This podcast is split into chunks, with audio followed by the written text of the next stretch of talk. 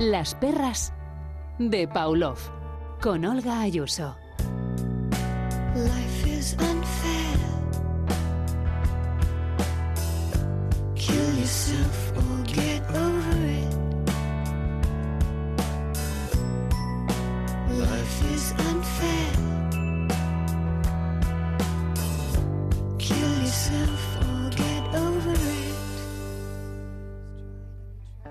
El último pleno contra el bullying LGBTI fóbico que organiza todos los años la Fundación Triángulo Extremadura, vimos subirse al estrado a leer a una niña cuya historia llevamos siguiendo desde que era mucho más pequeña. Para el resto de España, esa niña casi que nació ese día, pero me atrevo a decir que si en Extremadura nos dicen Elsa, no pensamos solo en la protagonista de Frozen. Desde hace cuatro años pensamos en una chica de arroyo. Soy una chica transexual, vivo en Arroyo de San Silván y durante los cuatro últimos años he vivido un camino muy importante, el camino a mi felicidad. Vamos a hablar de sexo y diversidad sexual en este programa de las perras de Pavlov y realmente casi que ya desconocemos con todo el debate que ha habido qué parte hay de psicología, qué parte de opiniones poco asentadas, qué parte de ideas inamovibles, porque nuestra sociedad occidental es muy binaria, eres hombre o eres mujer, en otras culturas hay más género en algunas hasta siete, y la diversidad de los deseos y los gustos también es mucho más amplia que el hecho de que te gusten los hombres, las mujeres o los dos. Aquí no, aquí somos de blanco y negro, hombre y mujer, cuerpo y mente, biología y sociedad. Lo contraponemos todo y eso no ayuda porque tampoco podemos disociarnos. Al final somos un todo, así que vamos a ver cómo definimos este todo. Esto es lo que hay. ¿Quién soy? Ni confusa, ni partida en dos, ni difícil. ¿Qué es el sexo? ¿Qué es el género? ¿Podemos hablar de género o es mejor hablar de identidad sexual o de sujetos sexuados? Está agotado este concepto. ¿Qué aprendemos sobre lo que somos o sobre cómo el resto de las personas nos leen? Voy a contar una cosa. Yo usé faldas por primera vez a los 13 años, durante un día exacto, y tengo una madre que pensaba que hacer los agujeros de los pendientes es, cito literalmente, marcar a tu hija como si fuera una vaca, así que no me hizo los agujeros de los pendientes y me pasé parte de mi infancia aclarando que yo era una niña y no niño porque a mí me habían dicho que yo era una niña. Luego ya me dejaron el pelo largo y ya no hizo falta aclarar más porque toda la gente decía, esta es una niña. Lo digo porque normalmente sabemos, parece que todos sabemos, qué es la persona que tenemos enfrente. Ahora hablaremos de este qué. Y eso es radicalmente falso. Hemos escuchado mucho durante estos meses y muchas opiniones amparándose en disciplinas como la psicología, que además no eran muy científicas, así que hemos llamado al psicólogo y sexólogo Daniel Santa Cruz. Daniel, bienvenido. Muchas gracias. Qué- Encantado de, de ser una perra de Pablo. Qué maravilla. que por dónde empezamos.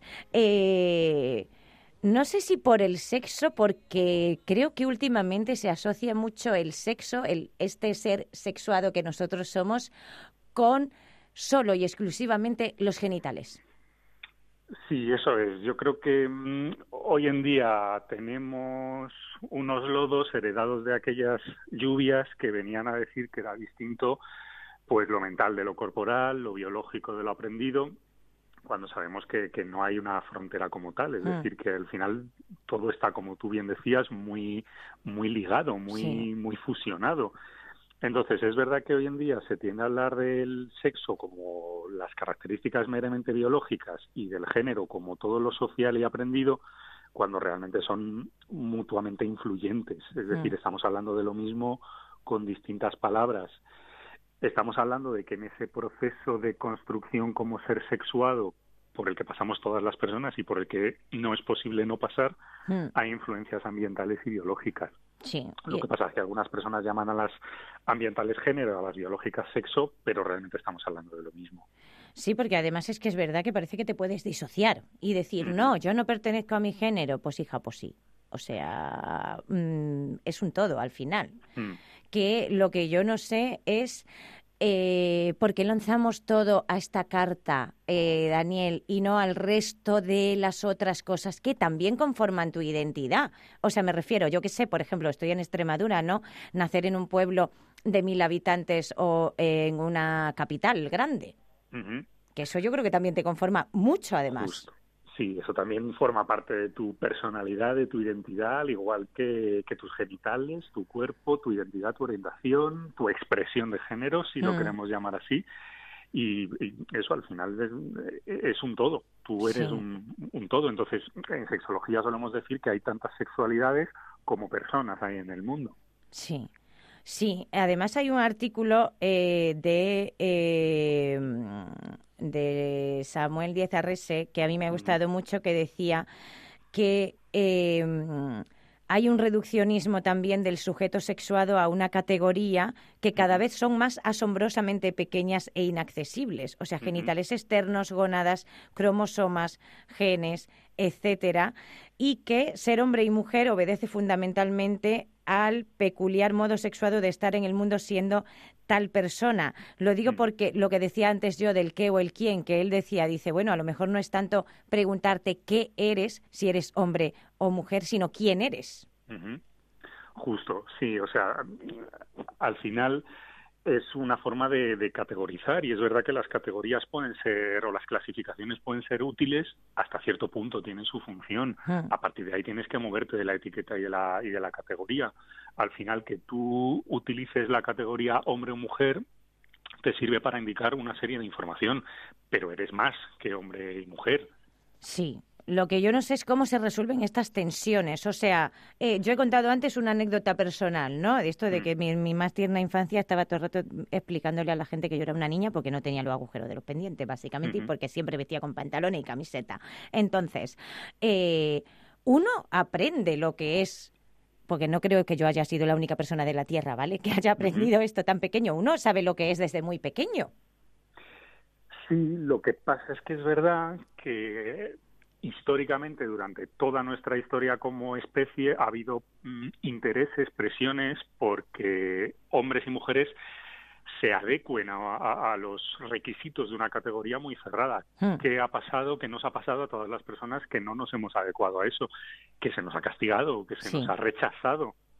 De ahí viene la, homofobia, la transfobia, que bueno, yo siempre me cabré un poco con ese concepto porque no es una fobia, no es un miedo, es, odio, es rechazo, no es miedo a, lo desconocido. Es otra emoción, es rechazarlo porque no se adapta a lo que otras personas, que al final somos todos, están diciendo que, que tiene que ser hombre o mujer.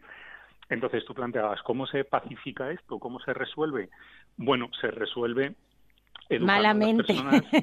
Bueno, Ahora mismo malamente, o no. No tan malamente. Yo creo que hay que hacer un esfuerzo colectivo en entender que, que hay que aceptar todo tipo de expresión. Llámalo sexo, llámalo identidad, orientación, género, pero es que tienes que aceptar porque no te queda otra, porque la gente es libre de construirse y de que la construyan de, de formas distintas. Sí, un amigo mío que es trans decía, esto básicamente es cómo te lees tú y cómo quieres que te lean los demás. Justo, justo. ¿Sabes? Claro, el problema es cuando te leen en términos reduccionistas, eh, porque creo que Vamos a ver, el problema es que también, aparte de todo esto, nosotros somos una historia de aprendizaje. Se nos atribuyen una serie de características dependiendo de cómo nos lean los demás, ¿no? O sea, los chicos no lloran, las chicas han de ser tranquilitas, un chico puede ser autoritario. Si miramos los anuncios de juguetes, por ejemplo, en los juguetes para niños hay mucho rock y mucha acción y para niñas hay rosa y unicornios. Entonces, yo no sé si podemos decir qué nos enseñan o qué aprendemos, no sé yo dónde está la frontera, todo este repertorio amplio de conductas que no elegimos dependiendo de lo que los demás digan que nosotros somos. Sí, a ver, obviamente ahí dentro de cada casa hay sus habitantes, ¿no? Dentro de hay cosas exclusivamente biológicas que no vas a poder nunca negar, hay cosas exclusivamente aprendidas que nunca vas a poder negar y hay mm. cosas que están en medio. Sí. Entonces, por ejemplo, eh, lo que tú decías de, la educación, sí, o sea, desde que nacemos nos están educando hacia lo que tiene que hacer un, niño o una niña y es un proceso bastante sencillo desde la psicología de explicar. es reforzar los comportamientos que tú esperas normativos para lo que tu sociedad dice que es un género. Es decir, vas a reforzar al niño que quiere jugar al fútbol, a la niña que juega a las muñecas o se pinta las uñas y castigar o rechazar a, los comportamientos no normativos. Y eso incluye, a los niños que se pintan las uñas, pero también a los niños que no quieren jugar al fútbol o a las niñas que quieren jugar al fútbol. Yo pongo sobre todo el ejemplo del fútbol porque yo trabajo es muy, mucho, mm. es muy ejemplificador. Trabajo mucho con, con menores, con niños y muchas veces niños pequeñitos se sienten muy excluidos porque no les gusta jugar al fútbol. Y es que si se ponen a jugar con las chicas, automáticamente reciben un castigo. Brutal, además. Justo. Y no solo por parte de los iguales, sino también muchas veces de, de, los padres y los adultos. profes. Mm, sí. O sea que sí, hay cosas que son indudablemente construidas socialmente, pero otras no tanto. Y además este desligarnos de lo construido socialmente, Daniel, es bastante complicado. O sea, eh, yo solo tengo un amigo que además es cis hetero, que se pone falda, no kilt, eh, falda. Él se pone falda en verano y dice que no entiende por qué los tíos no llevan falda, porque es lo mm. más fresquito de la vida. Pero normalmente clasificamos ropa, maquillaje, etcétera, con hombre o mujer, cuando, eh, yo qué sé, la ropa básicamente pues no es de hombre mujer, ¿no? es, de, tela, de plástico, yo qué sé. Nosotras y nosotros la hacemos de hombre o de, o de mujer. Sí, bueno, también yo creo que esta parte también te gustará, eso, os gustará, es una parte de, del control que hay sobre los géneros y este hmm. control obedece a cierto sistema. En el momento en que un sistema más agresivo con sus miembros se tranquiliza, los géneros fluyen y eso es algo que ha aparecido a lo largo de toda la historia, que en los momentos donde había situaciones políticas más extremas, más agresivas, más autoritarias, se exigía mucha más rigidez en los roles de género mm. Y ahora mismo estamos viendo probablemente el momento histórico con más flexibilidad en torno a eso. Sí. Entonces, cada vez más se permite, por ejemplo, que hombres se maquillen o que las mujeres no se depilen, por poner otro ejemplo. Por poner otro ejemplo, exactamente, claro, porque yo me preguntaba qué aporta, qué nos aporta ¿no? el, el encuadre teórico género en este momento e incluso las subdivisiones, porque... eh, gente que más o menos sabemos del tema sí lo podemos tener muy claro, pero tú a otras personas le dicen género fluido y cortocircuitan, Daniel. O sea, que hace falta pedagogía también con esto. Sí, pero una vez que lo explicas, la gente hace, ah, pues a lo mejor yo también soy, estoy ahí, ¿no? También, porque al final realmente casi todas las personas somos género fluido. Mm. Mm, yo siempre explico en las clases en mis clases que no hay hombres puros ni mujeres puras, porque todos tenemos características aprendidas o no de ambos sexos. Luego, realmente todos somos muy fluidos. El mm. tema es que no todo el mundo lo quiere ver o lo quiere reconocer o quiere utilizar esa etiqueta.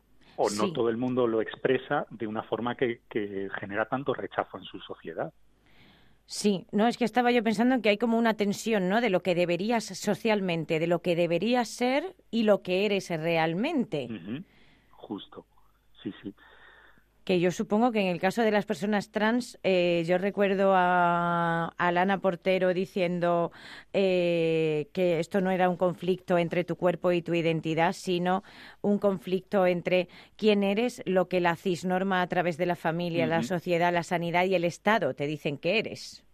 Justo, entre, entre cómo tú te, en sexología diríamos, entre cómo tú te sexas, si yo soy hombre o mujer, y cómo los demás te sexan. Tú eres un hombre o una mujer. Hmm. Lo que le pasa a muchas personas trans es que ellas y ellos se sexan como hombre o como mujer, pero la sociedad les está sexando de una forma distinta.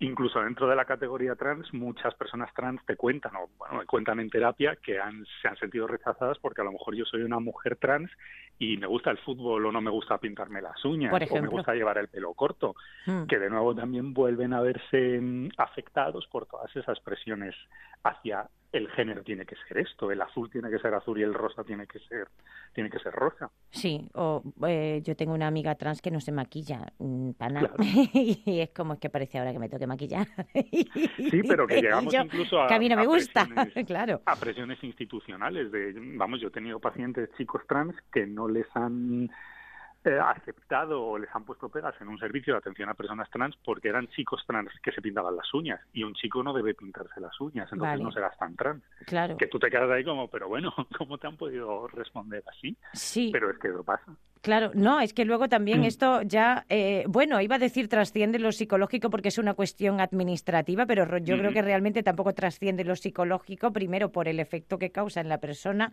¿sabes? Que, que mm, eh, si no hubiera estas tensiones, no lo mismo no necesitaban terapia, básicamente, pero... eh, Claro, eh, el Estado al final categoriza también.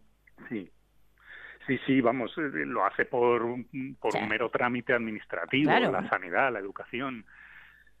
Pero bueno, también se está luchando para que eso deje de ocurrir o que esa categorización sea mucho más amplia. Sí. Sí, no, es que además es que, claro, a ti te definen desde pequeño y te dicen, tú eres niño o niña y te lo voy a poner en el carné, pero no te ponen si eres tímido o no, por ejemplo, es un por ejemplo. Mm. ¿sabes? O sea, que es una cuestión eh, compleja. Eh, yo no sé si la educación familiar es posible con esto.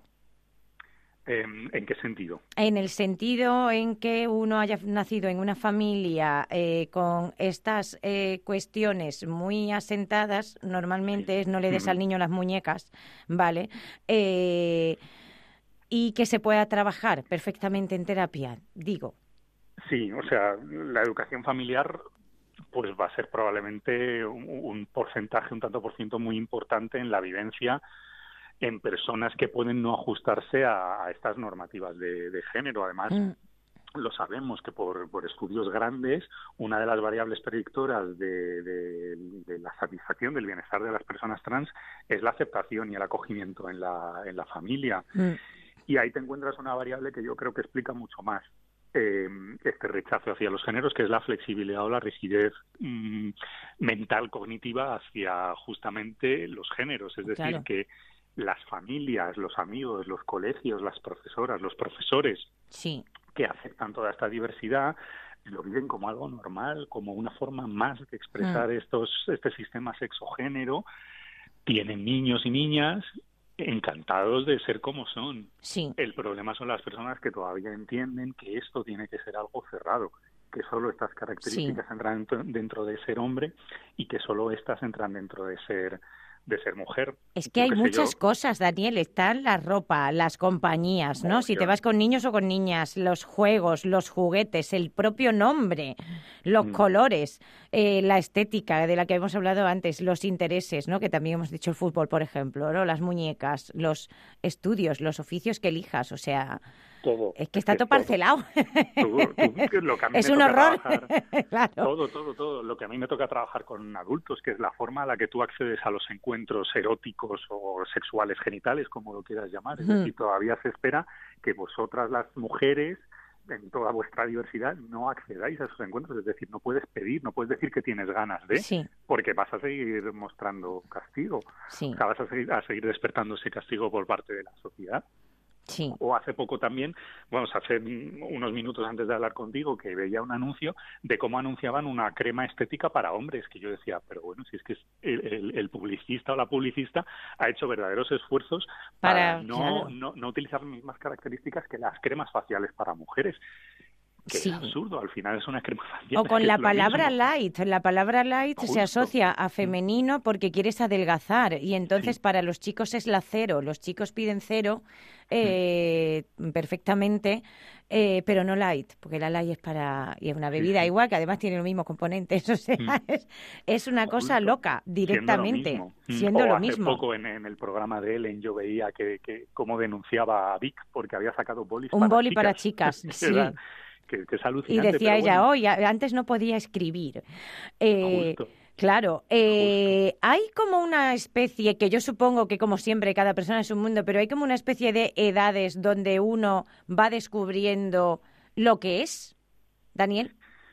Mm, Pues te diría que... que O sea, tipo lo que han dicho, ¿no? Con ocho años tú no puedes saber si eres niña o niño y tú dices, pues yo creo que sí, pero no lo sé. Sí, vamos, clarinete. O sea, quien haya dicho eso, que además eh, lo he visto ahí en redes sociales por varios sitios, incluso de la mano de psicólogos. Hmm. Yo decía, madre mía, esto es la Tierra es plana otra vez, porque porque negar que un niño tenga clara su identidad sexual es, es eso, es negar que la Tierra sea redonda. Pero bueno, es que tenemos a gente que lo niega. Pero sí, más o menos, eh, y esto lo sabemos viendo las verbalizaciones de niños y niñas trans y de niños y niñas cis, Cis, es que claro. desde, los, desde el momento que empiezan a hablar lo tienen claro. Otras personas no, pero es que son otras personas. Y sin más, hay otras personas que lo van a tener más claro en el momento de la adolescencia. Pero es verdad que la identidad puede descubrirse, construirse, experimentarse de forma distinta en- en- a lo largo de toda, de toda la vida. Y yo supongo que también tiene que ver eh, con tu capacidad de verbalización. O sea, eh, un niño de mm, cuatro años que sabe hablar o Mm. de tres años mm, o a lo mejor sabe señalar que no quiere una fa- que no quiere unos pantalones y quiere una falda, por ejemplo, ¿no? Aunque no aunque sea casi preverbal, pero conforme vas creciendo eh, a lo mejor te no te sientes cómodo, aunque seas cis, me refiero, no te sientes cómodo en el género eh, o en las construcciones de aprendizaje que te han dicho. Lo digo porque incluso la Asociación Americana de Psicología, que esto es de 2007, o sea, hace 12 Ujú. años ya, decía que eh, la salud psicológica de las mujeres, se hicieron un estudio como con 100.000 participantes, eh, tenía consecuencias muy perjudiciales eh, esta adscripción rígida a las normas de género. O sea, Sí, claro. que van mal. Vamos, y yo porque no se ha hecho en hombre, pero yo creo que tampoco iría bien. Seguro, luego les afecta. Es decir, nosotros en, en terapia, sobre todo a personas transadultas, nos las encontramos cuando han sido muy rechazadas, Sí, pero cuando no lo han sido, su vivencia es maravillosa. claro. Y si eres cis, pero tampoco mental. encajas, pues también igual. Justo, exactamente lo mismo. Mm. Sí, esto por eso lo digo. El punto es eh, que a mí me parece al final también que hay eh, cuestiones individuales que pueden llegar a ser sociales. Eh, no sé si podemos hacer un poco de pedagogía también. O sea, decir, porque es que hay muchas cosas. O sea, Sí, identidad sexual, claro. de definir conceptos, por ejemplo. Justo. Y además es que los niños, ya yo que hago mucha educación sexual en coles e institutos, los niños lo pillan rapidísimo. Si el problema volvemos a ser los, los adultos, Adultos. generalmente, que no queremos ver la diversidad que, que tenemos. Yo en muchas clases siempre empiezo diciendo que la principal función de la, de la sexualidad, de la estrategia sexual, es generar diferencia. O sea, que es que es normal que tú seas diferente, porque ese es el objetivo natural, original del sexo y de la sexualidad Sí, porque la, la estrategia eh, asexual es generar una y otra vez al mismo individuo, pero exactamente. justamente la sexualidad es generar diversidad. Entonces, sí, efectivamente, se debería estar haciendo mucho más esfuerzos dentro del sistema educativo formal Mm. en, en contarle a la gente, contarle a los niños y a las niñas que está bien ser diferente y que no pasa absolutamente nada.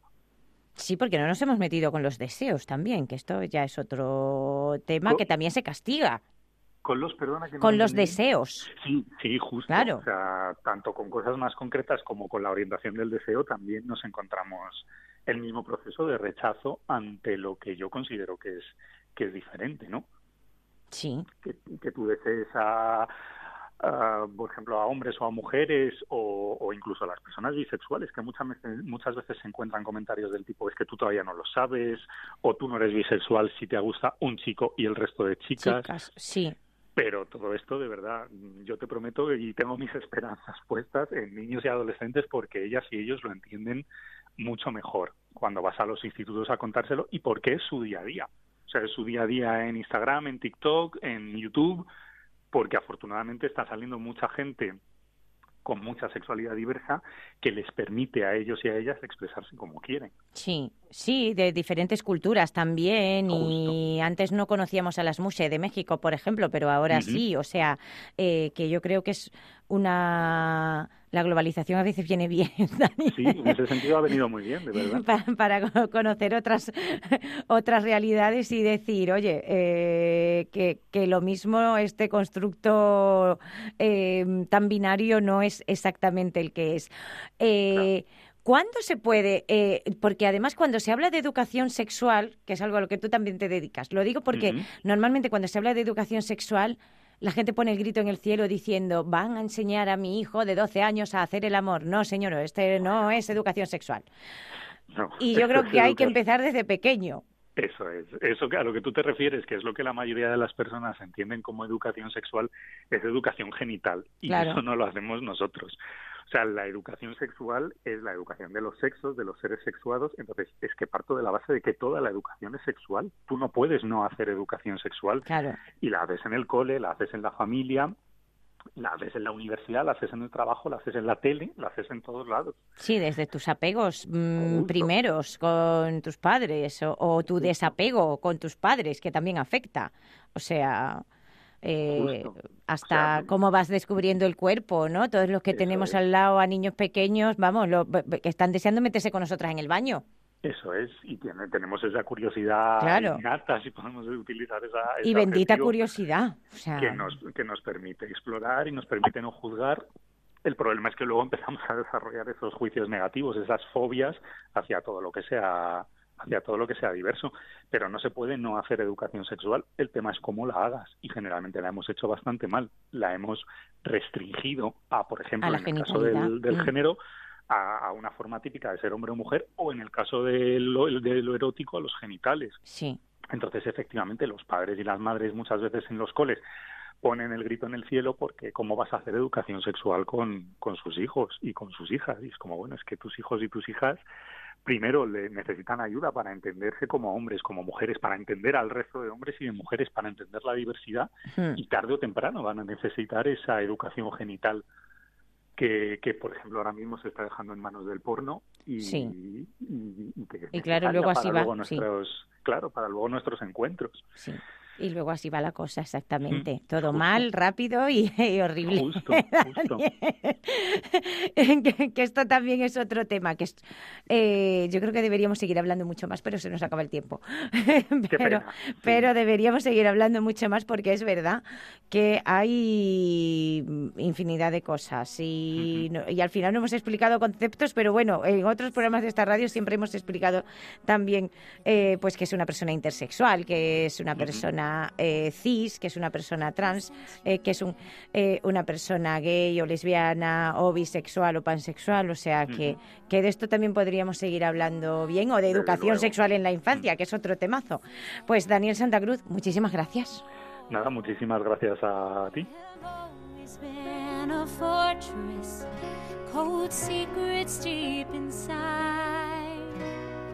You have secrets but you don't have to hide. Show yourself. I'm dying to meet you. Show yourself. It's your turn. Are you the one I've been looking for all of my life?